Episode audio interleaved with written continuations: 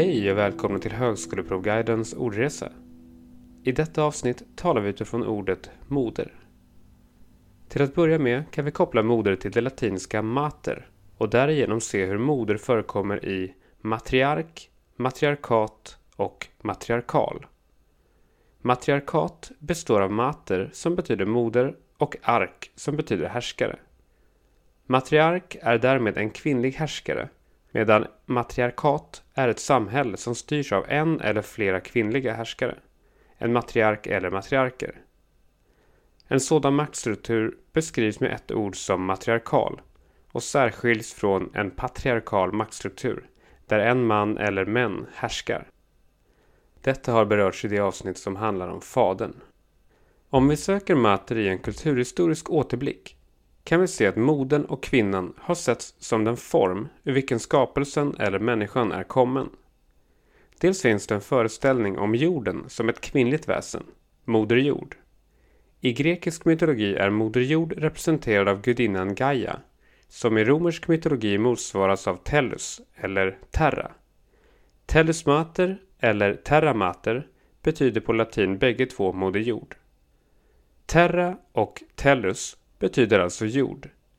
Terräng är en viss typ av jord eller underlag som kännetecknas av ett visst utseende, exempelvis skogsterräng, kuperad terräng med flera.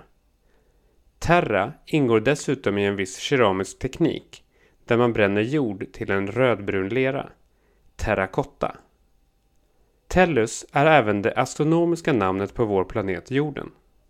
Moden och jorden är alltså djupt förenade i skapelse av olika slag.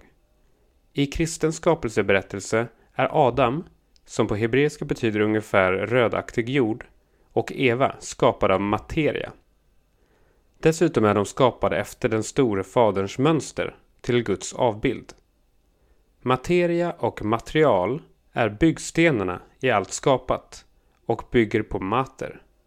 Pater är istället mönstret och idealet. Länge betraktades också kvinnan som en ofullständig man, något som kallas för enkönsmodellen. Moden och det kvinnliga är alltså material, men är också en bärare av barnet inuti sig. Denna innebörd av mater kan vi härleda till matris. Matris kommer ur matrix, som ursprungligen betyder ursprung, livmoder, moder, men även register. Matris är ursprungligen ett ord som beskriver en gjutform eller behållare i hantverkssammanhang. Numera är matriser framförallt kopplade till matematiska matriser som är ett slags räkneschema. Ur matris och matrix med innebörden ursprung och register har vi även ordet matrikel. En matrikel är en slags inskrivningsbok för soldater där deras personalia nedtecknades såsom namn, födelseort, födelsedatum med mera. Att skriva in en person i en matrikel heter att matrikulera, även om ordet sällan används. Ordet maternitet, eller på engelska maternity, betyder moderlighet. Och just föreställningen om moderlighet leder oss vidare till begreppet alma mater, som på latin betyder den milda moden.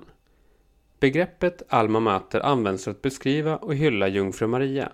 Den allra vanligaste innebörden av alma mater är dock den av universitetet eller lärosätet. Den som exempelvis studerar vid Yale-universitetet säger att Yale är hens alma mater. Den som har studerat färdigt vid ett universitet eller lärosäte benämns alumn av det latinska alumnus som betyder fosterbarn. Ordresan i moderns tecken täcker inte in allt mellan himmel och jord utan stannar vid materien. Nu en snabbrepris.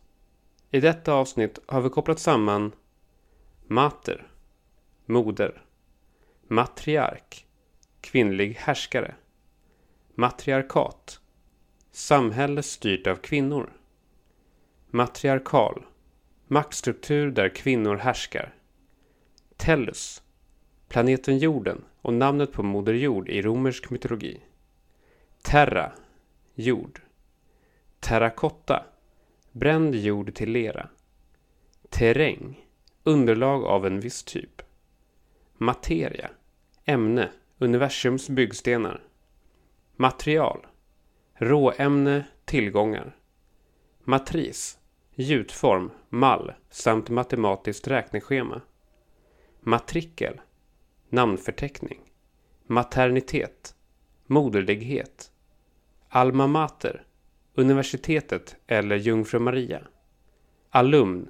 Före detta student vid lärosäte. Tack så mycket för att du lyssnade. Gå in på hpguiden.se om du vill besegra högskoleprovet. Glöm inte att lämna ett omdöme om oss på iTunes. Hej då!